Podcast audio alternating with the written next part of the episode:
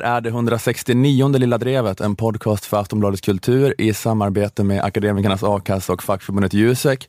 På plats i Malmö musikstudio finns jag, Ola Söderholm och Moa Lundqvist och Nanna Johansson. Hej på er! Hallå, hallå! Hej! Den här veckan ska vi prata om Paradise Papers ganska mycket. Mm. Yes! Det stora internationella avslöjandet som bland annat SVTs Uppdrag granskning deltog i ett avslöjande om avancerad skatteplanering bland världens rikaste och mäktigaste. Så sexig nyhet. Ja, det var verkligen en nyhet som bara wow, swooshade in igen. Ja. Satt ni där att ni såg det på förhand eh, tidigare under dagen att nu jävlar kommer ett avslöjande? Ja, Ja. började kallsvettas. Jag bara, nu, nu händer det. Ja, Nu kanske Islands premiärminister får avgå igen. Stackarn. ja, ja, ja, precis. Jag tyckte att det var lite av ett antiklimax här, men jag, ska inte hålla på och vara glädjedödare här. Ni, ni, får presentera det här senare, Ja, jag, varför det jag, var så jag, förstår, häftigt. jag förstår vad du menar också. Eh, Jag kommer också prata lite om det. Det, ja, det, det är alltid bäst innan, det är som att se så här skräckfilmer Ja. eller my- mysteryfilmer, att det är kittlingen innan och sen så när monstret väl visas upp så blir det alltid lite av ett antiklimax. Ja, precis. Eh, Jag var såg It och Mm. där visade de It så pass mycket att liksom It han blir liksom vardag. Det var så här, ja, ja, där står den där clownen där igen. Ja, ja, ja. Alltså det, det slutade verkligen vara läskigt. Mm. Det var mycket mer läskigt med typ det socialrealistiska i filmen. Och det är så det här det har känts lite grann med Leif Östling de senaste två dagarna. Då. Ja, så Att, mycket eh, exponering. Ja, jag skrek av skräck de första fyra, fem gångerna jag såg han på nyheterna. Men, sen, Sen bara, ja, nu är han där. Men ja, just det, ni, ni ska ta det här lite senare då. Eh, men eh, vi kan eh, börja bara med en annan grej som jag har tänkt på. Mm. Ni vet, det är alltid en avvägning i globaliseringens tid, i den ökande rörlighetens tid, klimatflyktingarnas tid. Hur ska man förhålla sig till kulturkrockar? Mm. Hur mycket ska människor som kommer till till exempel Sverige ta seden dit de kommer? Mm. Hur osvenska ska de få vara egentligen? Hur onormalt ska de få bada? Ja. Det är väl oftast det. Alla som kommer från utlandet badar så himla onormalt. Ska de få en speciell tid på tisdag förmiddagar då de ska få bada jätteonormalt? Eller ska de inte få Eller det? Badkläder. Nej men ni vet, det här, äh, man pratar om det här när krockar till exempel religiösa sedvänjor med rikets lag och så vidare. När ska de anpassa sig efter majoritetssamhället? När ska det vara vice versa? När ska man Mm. mötas på mitten? Frågan är kanske så här, ska man ha sköna eller osköna invandrare? Ska man ha osköna invandrare som håller på och är arga för att det kanske finns rasism och som inte tycker att man behöver vara tacksam för att man fått komma hit och så vidare? Eller ska man ha lite skönare invandrare som bara, ja, jag är islam, det var då det, nu är jag i Sverige, hit med snapsen och skinkan. Jag är kurd, men du kan kalla mig turk om det är lättare att komma ihåg. Jag är inte en sån där kränkt, humorlös invandrare. Jag är en skojig invandrare som kan ta ett skämt. Och här kan man se den kulturella skillnaden mellan Sverige och Danmark som ofta verkar finnas i den här typen av frågor. Att de verkar ha så himla sköna invandrare i Danmark. De har en kultur där i Danmark där det frodas, där man uppmuntrar att invandrarna ska vara sköna på något sätt. Där det ska vara en pulse som sticker ut i ena mungipan. Ja, precis. Det, Sigg den andra. de, de liksom har disciplinerat sina invandrare till det. Nej, men jag, jag hörde ett reportage i Studio 1 om danska politikern Özlem Cekic, kurd som kom till Danmark som tioåring och hon har varit folketingsledamot för Socialistisk Folkeparti, typ Danmarks Vänsterpartiet, i flera år. Och hon håller på med ett projekt som heter Dialogkaffe, där hon söker upp de som hatat och hotat henne på nätet och dricker kaffe med dem. Och försöker skapa en dialog. Perkersvin, din terrorist, eller når du bliver minister en dag, så skærer vi halsen på dig. Eller rottelort, øh, luderso. Altså, det danske sprog er meget mangfoldigt på, på, på skældsord. Det danska språket har en bred mångfald vad gäller skällsord, konstaterar Özlem Cekic samtidigt som hon drar några exempel på hot och hat som brukar fylla hennes mejlkorg. Ja, eh, hör man då hu- hur skön hon måste vara här, att hon läser upp lite olika... Ja, så här, eh, jag skulle inte vilja dricka kaffe med någon som har sagt att de ska skära halsen Nej. av mig. Det Nej, angränsar ju till hot. Då, då tycker jag nästan man är lite för skön. ja, hon, att hon då slås framförallt av hur mustigt och rikt det danska språket är. Det är det hon bär med sig, när de skriver skära halsen av dig packisvin. Så eh, ja, men det var då så att eh, Özlem Cekic, eh, hon började få hatmejl 2007 när hon blev invald som folketingsledamot. och hon sparade dem i en hatmailsmapp på datorn. För hon hade tipsats om att det var bra att de fanns kvar så att polisen hade något att gå efter om det en dag skulle hända något. Men så en dag var det hennes vän eh, Jakob Holt, en känd dansk fotograf tydligen, som tipsade henne om att hon borde göra något annat med de här hat och hotmailen.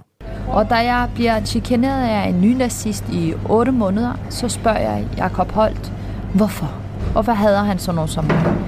Fordi jeg tænker, Jakob Holt vil forstå mig, og han vil give mig ret. Jag hade blivit trakasserad av en ny nazist i åtta månader när jag pratade med Jakob. Ganska säker på att han skulle förstå mig och hålla med. Men han sa att det också handlade om min egen rasism. Att jag demoniserade dem som skrev och han sa träffa dem, berättar Özlem Sekic. Jakob Holt. Oj! Jakob Holt ställer hårda krav.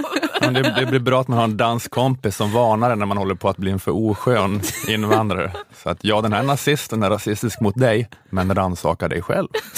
Trakasserad i åtta månader. Men vad gör du? Är inte du också lite rasistisk mot honom? Har inte du negativa fördomar mot den här nazisten? Du har kanske fördomen att han är en nazist, men han är ju också en människa som är nazist i och för sig. Men bara för att någon är nazist är det ju inte som att den är nazist, eller hur man ska säga. Det är väldigt trist när du sätter en naziststämpel på någon. Någon som har trakasserat i åtta månader.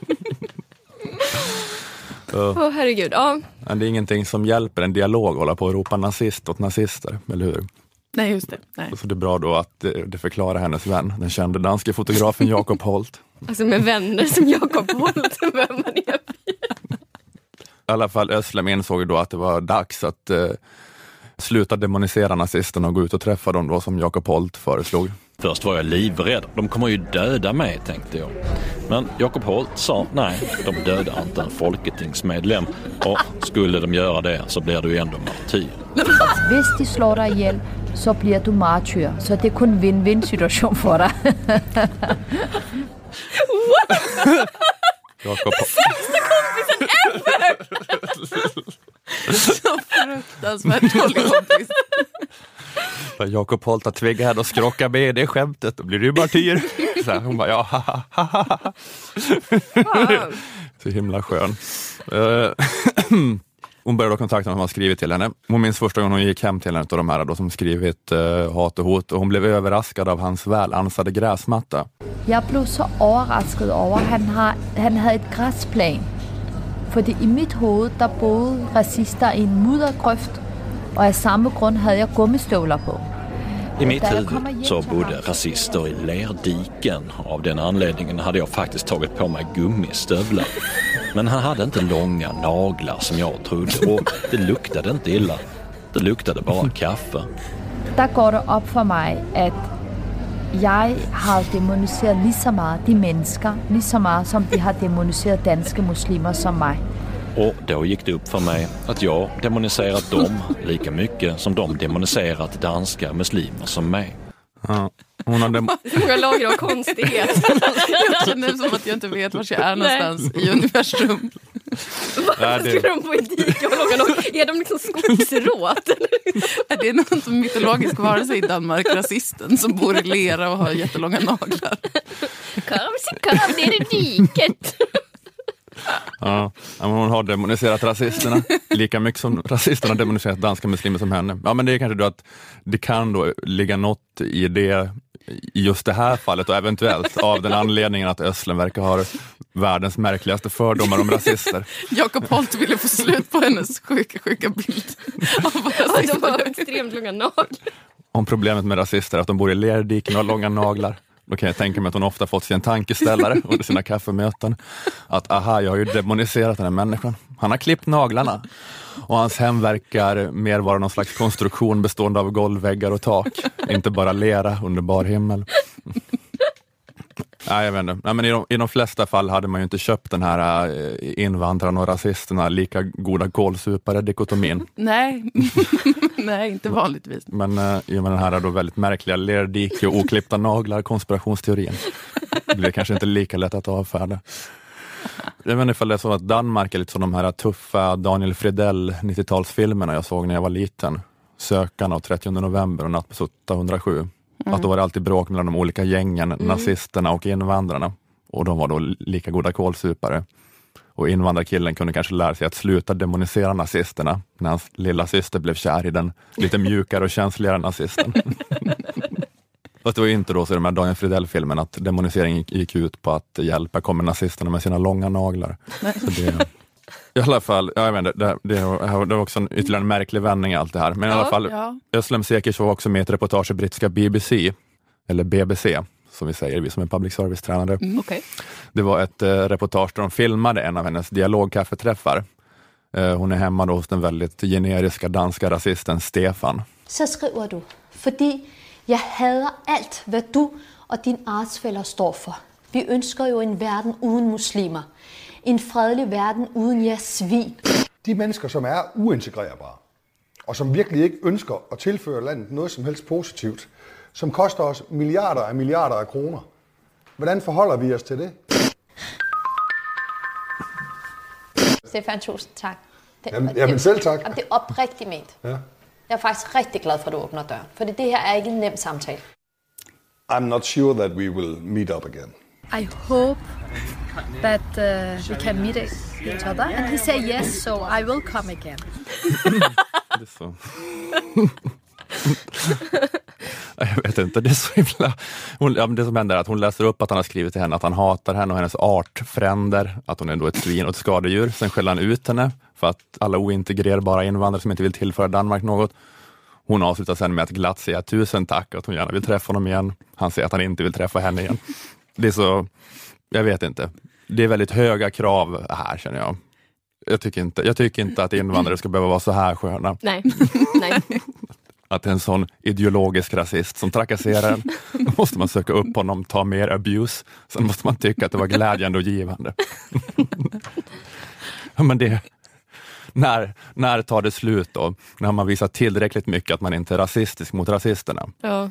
Hennes vän, den kände danske fotografen Jakob Holt, bara ja, rasisterna kanske är rasistiska mot dig för att de vill frånta dig dina medborgerliga rättigheter. Men är inte du också rasistisk mot dem eftersom att du vill ha medborgerliga rättigheter? Håller du inte på att demonisera dem genom att motarbeta att de ska få konfiskera dina tillgångar? Tvinga dig att bära en fastsydd muslimhalvmåne på kavajslaget, placera dig i arbetsläger. Eh, och det var verkligen en ögonöppnare vad Jakob sa. Jag är ju inte bättre jag. Jag måste dricka dialogkaffe som jag inte ens gillar. Men trots att det är kaffet som gjort henne känd så erkänner hon till slut. Hon dricker faktiskt inte ens kaffe. Men i det kaffeälskande Danmark hade det inte fungerat att kalla det för dialogte.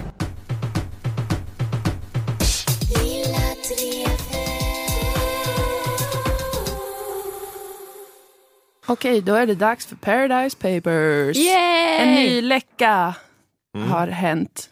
13,4 miljoner konfidentiella dokument som handlar om offshore investment har läckt ut. Det är väldigt många dokument. Det är så många att det knappt går att föreställa sig. Nej.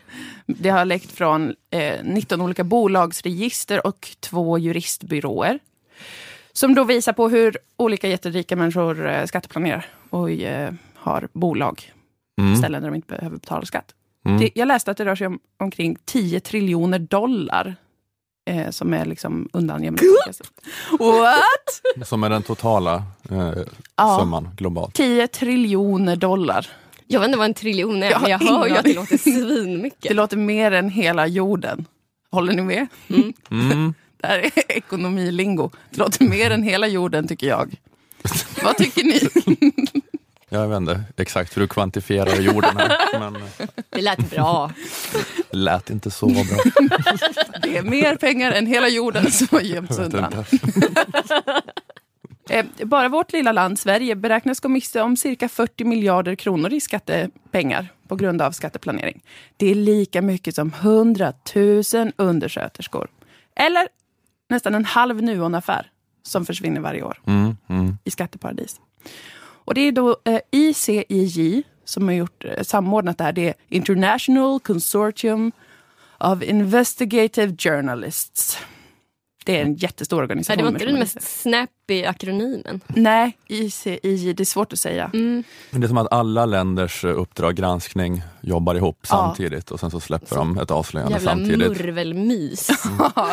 och de sitter och håller föreläsningar för varandra. De, jag tror de har det riktigt kul och Ja. spännande när de Det jobbar. var väldigt kul Mm. i eh, Agenda när de pratade med han från Uppdrag granskning och han bara lite casual säger så här. Ja, våra partners, New York Times. de älskar att det är New York Times som är med. Mm, han, är, han, är, han är verkligen uppe i sig själv som murvel, den snubben. Alltså.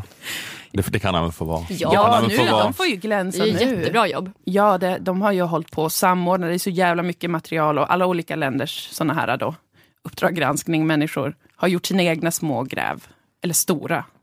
De här svenska, alltså Uppdrag granskning höll ju på att gräva här kring eh, Wilbur Ross och hans affärer med rys, ryska oligarker som är, eh, Mhm. egentligen ska vara un, under sanktion. Vad säger man det? Under sanktion? Sanktioner? Man får inte, Ja. de ska Man får inte inte handla Man ska med dem. handla med Nej. Men de gjorde det, de åkte till Ryssland och så vidare. Mm. Eh, men det, Uppdrag granskning gjorde ju, bidrog på så vis till den här eh, stora eh, globala läckan. Mm. De gjorde ju även eh, Panama Papers för ungefär ett år sedan. Var Mm. de med. Och då fick ju Islands premiärminister avgå. Ja, visst- Var, var, var det mera skatt, kommer du ihåg siffran för skattepengarna då? Det var Nej. också någon sån där, hur många undersköterskor det var? Ah, okay. De, hade, de sa säkert det, men jag kommer det. inte ihåg det. Ja, det är alltid, Allt räknas väl undersköterskor. Nej, precis, det är aldrig så här många tunnelbanestationer hade Liv Strömquists mänskonst kunnat vara på. Jo, men jag har sett att jättemånga har tagit upp eh, menskonst som så här, vad får jag eh, för pengarna? Och då bara så här, en menskonst i tunnelbanan och bla bla bla. ja, när de vill vara Alltså det är typ deras, deras nya mest liksom eh, Mm. Eh, färgstarka exempel på att nu har det gått för långt. Ja, men det, ja, precis. Vi pratade under förra veckan också om att det var ett meme med det här eh, Vem vill bli miljonär? Att Stefan Löfven sitter och har fyra alternativ, vad ingår inte i, Just det, i just det. välfärden? Och så var det graffiti i Tensta, mänskonst i tunnelbanan. Just det. Mm, det BB är alldeles Sollefteå. ett favoritexempel på Sveriges förfall. Ehm, I Paradise Paper så fanns det en del svenska personer med, då, miljonärer och liknande, som har pengar i eh, bolag på Malta, var det främst det rörde, där de har jättelåg skattsats. Mm. En av dem är Leif Östling, ordförande för eh, Svenskt Näringsliv. Han var med i Uppdrag granskning och blev granskad. Han fick frågor av SVTs journalist om hans eh, skatteplanering. Och då sa han eh, detta. Man frågar ju sig också, betalar man in nu 20-30 miljoner per år? Vad fan får jag för pengarna? Får du inget för pengarna menar du? Inte mycket. Va? Nej, Gubben. Eh, det, det här. Han, han, han känns, han har så här ändå på något vis en bra stil för att vara en sån eh, superrik eh, svensk näringslivschef. Att han känns som en sån söderknegare nästan. Ja, när han Lite skrattar så så blir man Alltså jovialisk eh, jargong. Mm. Men det här eh, fick ju jättemycket reaktioner. Extremt förutsägbara reaktioner, det här Ja. citatet. Alla på vänsterhåll skrev inlägg som var så här. Ja du Leif, vad fan får du för pengarna? Utbildning. Sjukvård. Du var en fattig bondpojk Luleå. Sen så gav samhället dig utbildning. Eh, Kaffe, du har fått gratis kaffe Leif. Leif, du har fått utbildning, skola. Så skrev alla. Infrastruktur Ja, som har byggt ett Som bra har byggt Fina företagsklimat. lastbilar åker på våra vägar. Mycket darr på rösten i allt som Leif har fått. Tårar som rinner sakta. Ja. På högerkant var det så här, skön-Leif. Fan vad skönt sagt och Äntligen säger någon det. Eh, vad får man? Menskonst i tunnelbanan. Och massa rasistiska grejer också. Som de skriver. Såklart. Det, var, det var väldigt, alltså det var inte, man, blev, man trillade inte av stolen. Nej. Men jag förstår inte varför ingen som eh, älskar sånt här, de här grisarika och det de gör och deras skatteplanering, att de inte reagerade på det som jag reagerade på. Nämligen att det här uttalandet som Leif gjorde är ju jättedåligt för illusionen om hur det är att vara perverst rik. Alltså, man tänker sig ju, man ska ju tänka att det är jättekul, eller hur? Att vara jätterik. Att det är en Mm. underbar tid. Man skiter i allt. Man är sådär skön, man är bara så här, vem är du? Du är en journalist, whatever. Jag Ja, lever mitt liv. Gör din grej, hej då. Sen så sa Leif detta. Och man anar ju ändå en viss eh, bitterhet i hans... Eh, och han pågår också då en del om hur det är för höga skatter i Sverige. Det är ju Mm. inget nytt i sig. Men jag tycker att det var... Jag reagerade på att han ändå var lite sur över det. Ja, han känner att han bara ger och ger. Att han är liksom Ja. en av samhällets änglar. Som är liksom Som bara har Inte- blivit Ja, som Uppskattas bara, tillräckligt. Precis. Och man vet ju, det kommer ju, varje dag kommer en sån här rapport, att man blir inte lycklig av pengar. Nej. Eller hur? Bara upp till en viss grad, typ Just det. 40-50 tusen i månaden. Sen efter det så kanske man, man får ha en roligare semester, men livets liksom mening blir inte tydligare för. Nej. Man är fortfarande olycklig och en vanlig Man kan bli lycklig en, en kort stund efter att man har, fått, om man har fått mycket pengar snabbt. Liksom. Ja. Men det planar ut också väldigt snabbt. Ja. Men det är som att ingen riktigt bryr sig om de rapporterna, eftersom det kommer en varje dag. Men man vill ju fortfarande bli snuskigt rik. De allra flesta verkar ju vilja bli väldigt rika. Och då tycker jag att det blir ett problem att Leif går ut och verkligen med sin attityd signalerar att det är ingenting förändras. Han är alltså multi, multi, multimiljonär. Han har hur mycket pengar som helst. Och han är ändå lite, lite sur när han vaknar. Så känner han ändå kanske så här, Millions of people have lost weight with personalized plans from Noom, like Evan, who can't stand salads and still lost 50 pounds. Salads, generally, for most people, are the easy button, right? For me, that wasn't an option. I never really was a salad guy. That's just not who I am. But Noom worked for me. Get your personalized plan today at Noom.com. Real Noom user compensated to provide their story. In four weeks, the typical Noom user can expect to lose one to two pounds per week. Individual results may vary. En till dag där jag ska betala skatt, där jag ska bygga det här samhället. Fastän jag kanske måste stå i kö på vårdcentralen när jag ska gå dit. Ja. Det är ju något de flesta kan känna igen sig i. Jag brukar tänka så. De flesta jag känner tänker så. Och det tycker jag är ett problem. för att eller inte för mig personligen, men jag tänker att det är ett samhällsproblem för de eh, väldigt rika. För att de måste ju bibehålla den illusionen om att det är jättehärligt. Om man flyger eh, privat helikopter till kanske en fransk bergsby för att prata med någon specialkock om mat man ska äta på kvällen. Och livet är kul om man står överallt. Men nu så, så har Leif visat på en spricka i fasaden där han, precis som alla andra vanliga löntagare, känner så här när han vaknar. Ja, men vad fan får jag för pengarna? Och det skulle jag säga är ett problem för de snuskigt rika. Att det här börjar brisera. Mm. Det är livsfarligt för den eh, globala ekonomiska eliten om de börjar visa på att det är ingenting som förändras i en människas liv genom att vara så här rik. Att skatteplanera, det betyder ingenting. Det gör ingenting med ens upplevelse av livet. Då kommer hela systemet braka. Ja, men kanske. Kanske att det kommer falla samman när vi alla bara, jaha. Varför Mm. ska jag jobba hårt för om det ändå inte kommer bli gött? Varför ska jag vara en entreprenör som har Ja. 80 miljoner i lön? Om jag ändå bara kommer vakna varje jävla dag och känna så här, det här jävla fucking skitsamhället och allt jävla piss som jag behöver gå igenom i livet. Mm. Det är ju lite deprimerande att det är hans eh, känsla ändå, att han vaknar och eh, så här stingslöv, att han blir blåst liksom då, på, Ja. ut på, av, eh, av sossarna. Ja. Att, eh, ja.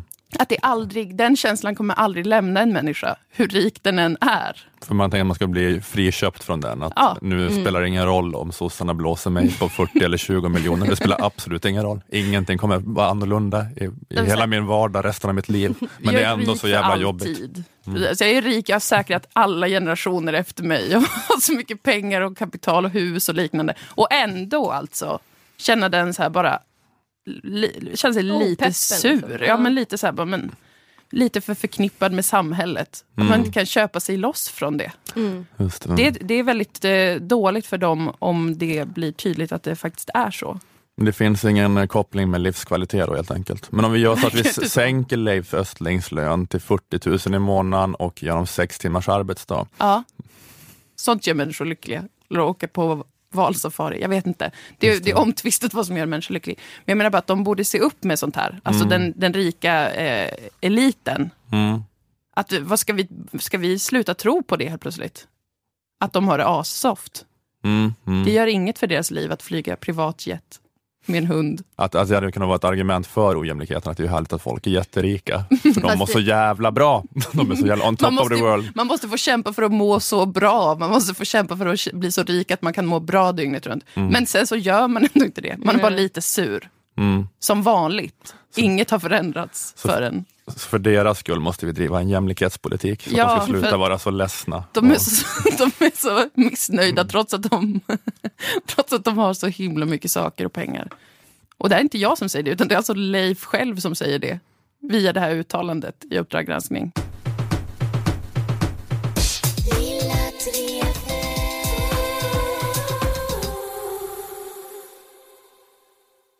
Eh, vad fan får jag? Det är en fråga Svenskt Näringslivs ordförande Leif Östling inte hade behövt ställa sig om han var medlem i Akademikernas a-kassa och fackförbundet Jusek. Wow! Ja, den har du, den har du filat på.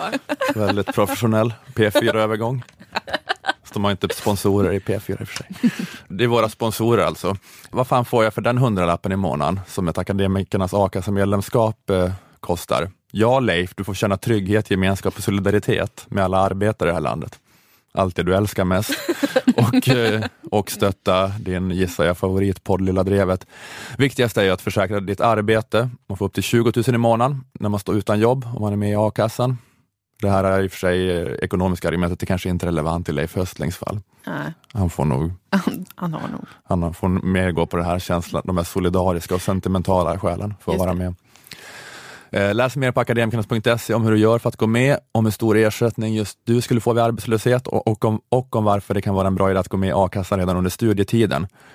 Och eh, ja, just det, går man med i fackförbundet Jusek så får ju en del av deras inkomstförsäkring som ger 80 procent av lönen upp till 80 000, vilket ju känns som en overkligt bra inkomstförsäkring. Ja. Men Leif Östling har nog så sjukt höga inkomster att inte ens den här superinkomstförsäkringen kommer räcka.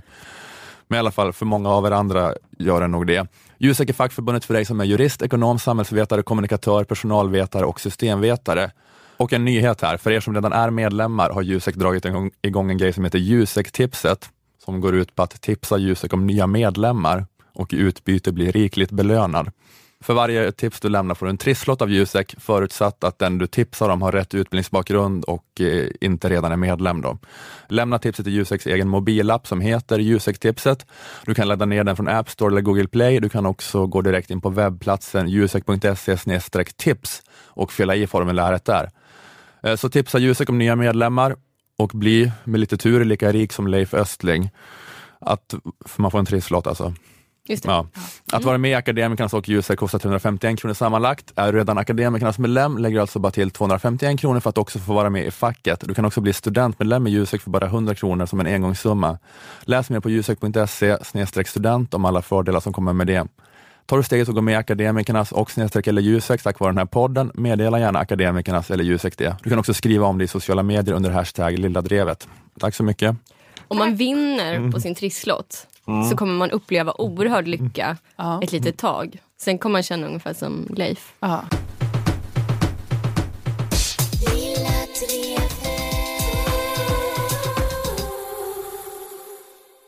Jag har ju också tänkt på Paradise Papers. Mm. Eh, och också på det här med att eh, Leif Östling nu blivit den här, eh, någon slags posterboy för eh, alla svenska rikingar som har dykt upp i den här läckan. Och det är inte så konstigt att just Leif blev posterboy eftersom han bjöd på liksom, det snaskigaste. Eh, och inget får ju en att se rött så mycket som en rik person som inte vill betala skatt och dessutom står och ser lite smagg ut. Man blir vansinnig. Litet leende. Ja, alltså man vill typ göra ett sånt taskigt bildkollage där Leif Östling stjäl en sån där riktigt grå ålderdomshemsmiddag middag från någon undernärd pensionär. Så arg blir man att man vill syssla med plakatsatir. Men om man bara lyfter blicken pyttelite från Östlings orimligt runda bebisgubbansikte. Och jag får säga så för jag har också ett runt bebisgubbansikte. Om man bara lyfter blicken från Östlings orimligt runda bebisgubbansikte. Tur att du har tolkningsföreträde. snabbt att det största problemet inte är de här enskilda rikingarnas gränslösa omoral. Utan det är ju det här att deras beteende är helt lagligt. Eh, Det som du sa i början Ola, att det är ju lite av ett antiklimax hela det här skopet. Eh, folk har maximerat sina vinster inom lagen. Alltså när det här avspelet spelas in så har ingen kunnat hitta något kriminellt i Leif Östlings beteende. Han har agerat omoraliskt men allt är inom lagens gränser. Eh, och det här gäller också flera av de andra rikingarna och eh, de multinationella företagen som har skatteplanerat på osofta sätt. Alla har gjort det på ett helt legalt sätt. Och då kan man ju lite känna, vad är det för jävla lagar vi har? Om nu nästan alla är överens om att det här beteendet är förkastligt och inte borde vara lagligt, ja men gör det olagligt då. Varför är det inte redan olagligt? Gör det olagligt igår. Det borde redan finnas supertydliga regler. Alltså jag är ju ingen jurist, politiker eller ekonom. Jag vet att många kanske trodde att jag var alla tre titlar eftersom jag låter så välutbildad. Nej, jag vet inget om PR. Jag har inte ens börjat pensionsspara än. Eh, men det finns ju väldigt mycket folk som vet grejer om pengar. Alltså jurister, ekonomer, lagstiftare och så vidare. Mm. Alltså de måste väl ändå kunna slå sina kloka små huvuden ihop och bara stifta lite lagar som gör det svårare att trixa med pengar. Så vi slipper vara med om det här oerhört ledsamma i framtiden. Det vill säga att de extremt rika på laglig väg kan undanhålla 40 miljarder kronor om året från vår gemensamma välfärd. Mm. Alltså jag fattar att det är supersnårigt att lagstifta om det här. Men om det inte lagstiftas så blir såna här skop helt tandlösa. Ja, ingen hamnar i fängelse, ingen får böta. Nej, men, vad, vad, alltså, vad kan man säga? Eller vad, vad ska vi säga? Vi gillar inte de här helt lagliga grejerna ni håller på med. Sluta med det. Alltså du kan ju bara Leif Östling och alla andra säga bara, jaha, och vad händer om vi inte gör det? Då gör vi ett jättetaskigt plakatsatiriskt collage med dig Leif. Uh, han där är. Men det är väl det som har funkat ganska länge i Sverige, att det var en sån oerhörd skampåle kring just det här med skattemoral. Fast det har ju inte hindrat det... någon från att skatteplanera. Nej, men, men ändå att de ska skämmas för det. Liksom. Jo, alltså... och att, att det är så här, men det känns som att det kanske är lite andra tider nu att han ändå kände att han hade det utrymmet att stå och raljera lite grann sådär. Och sen ja. så är det ändå typ 40 procent som hejar på dem efter det. Att eh, det börjar förändras lite grann, den här extrema liksom disciplinen och den här äh, skampåla. Men jag, alltså, jag tycker att det ska vara superolagligt. Men nu är mm. det ju inte det och då vet jag inte riktigt vad man ska liksom dänga i huvudet på dem. Nej. Ni gör den här helt lagliga grejen. Ja, man om... kan bara slänga den darriga rösten och berätta ja, om ja. alla fina saker. Man får bara saker. jobba med darrig röst. Mm. Sjukvård, skola, Din polis, Leif. dina två examen Leif. Tänk på dina dubbla examen. En fattig grabb från Luleå. Leif! Det är så himla, det är så dålig känga. Det är så jävla dålig känga. Jag vill bara kunna drämma lagboken i huvudet ja. på han. Har du läst den här lilla boken? man måste drämma gamla tanter som ligger med liggsår på ålderdomshem i huvudet på Ja, skjuta dem i katapult på dig. Ja. alltså jag tänker att här, lagskärpningar skulle väl inte heller göra att folk helt liksom slutade upp med det här med att trixa med pengar. Men då det skulle vi i alla fall ha någonting mer att säga än så här, sluta dumma er dummingar. Alltså jag vet inte, det här är ju människor som lever på sin girighet. Så jag tänker att det, det, är inte så farligt för dem att höra att de är giriga. Nej. Så. Jag tror eh. inte att det är Svenskt Näringslivs eh, PR-strategi i och för sig. Nej. Vi lever på vår girighet. Jag tror alltså, att de ändå jobbar lite mer Uppenbarligen har ju inte det hindrat, alltså, det har ju inte varit så stark rädsla för att så här, bli kallad girig. Eller då hade han väl inte ens hållit på och, och trixat. Men, jag tror, ja, men det är det jag funderar på, det var en ganska stark rädsla då tror jag för att åka fast. Eller liksom, eller, man, han, åker, han åker ju inte fast men, okay, men, men, bli, ja, men bli avslöjad eller bli, komma, att det kommer um. upp i ljuset. Men, att nu verkar det som att de inte bryr sig så mycket om det heller kanske. Jag bara funderar på om det är någon attitydförändring. Ja, han, fick, han gick ut och bad om någon slags ursäkt mm. för det där, vad fan får jag? Men det var ändå ja. att han lite grann skrev samma sak igen. Att ja. han bara så här, ja jag kanske, jag kanske uttryckte mig lite så, sådär. Men det jag menade var ju att jag får ju ingen välfärd i liksom, relation till hur jävla mycket skatt jag betalar. Då får jag ju inget att tala om. Så han, det var hans eh, förklaring. Ja. Mm. Eller ursäkt. Men jag tänker mig att typ, skopet borde ju vara att så här, vilka sjuka lagar vi har som tillåter det här. Som liksom vanliga människor kan ju inte ens drömma om att typ sitta och planera på det här sättet. Mm. Men att så här, en liten typ promille av befolkningen kan göra detta och kommer undan med det för lagarna tillåter. Alltså det borde ju vara skopet och inte så här, kolla den här konstiga gubben. Liksom. Man kan ha något sånt, eh, kanske göra så att det är de fattigaste i samhället får gratis världens bästa skattejurister mm, som kan ja. planera maximalt. Hade... Och ju rikare man blir desto sämre skattejurister får man. man vara något gammalt att... fyllo som inte har någon aning om vad skatt är. Det hade varit rättvist. Det är rättvist. Så att alla liksom precis alla undersköterskor och vakt, vaktmästare. En hund med, med skjorta och slips. Om man kommer över en miljard.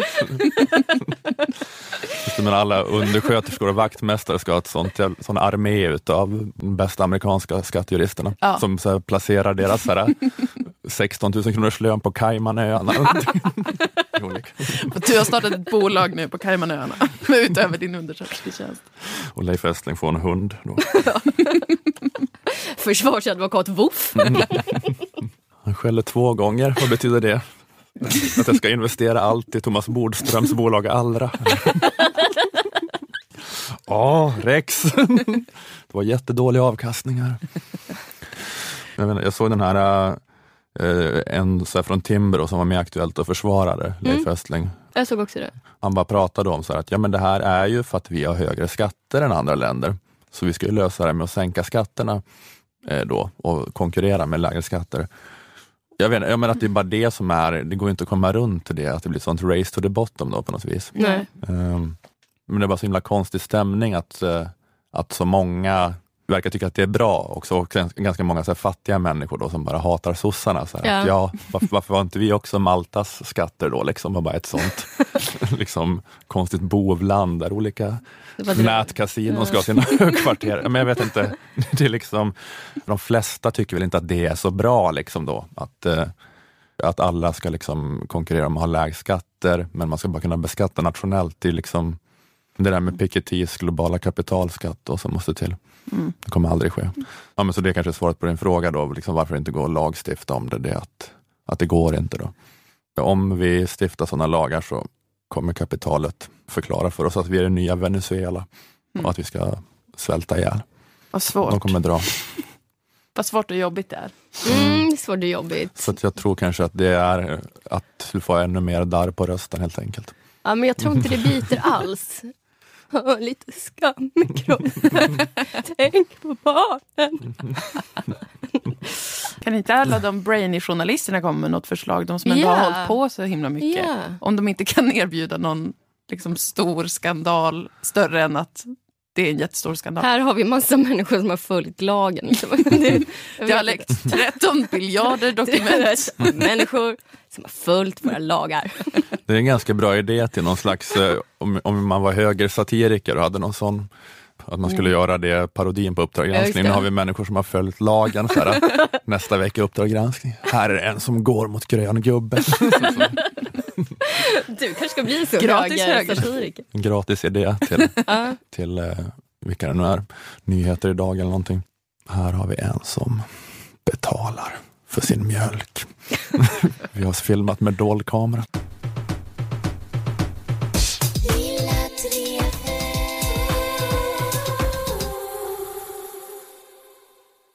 Det var, rätt, det var kul att uh, göra mitt, uh, genrepa lite min uh, turnéshow i Växjö i fredags. Flera i publiken tror jag höll med, ett antal av dem i alla fall. Mm. Min turné är då i Gävle på torsdag, Örebro på fredag, Uppsala lördag och Stockholm söndag är vad som väntar nu närmast den här veckan.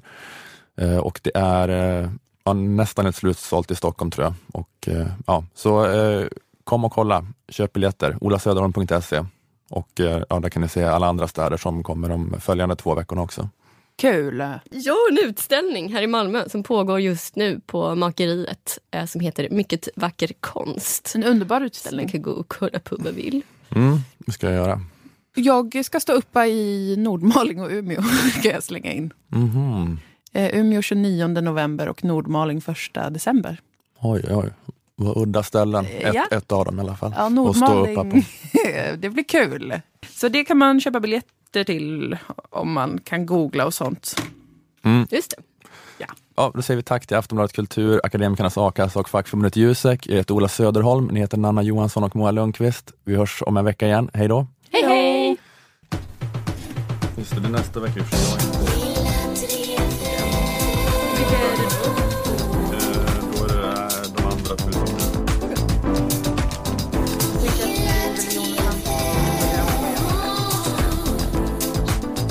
Ja, eller ni kan liksom... Eh. Jag har ingen...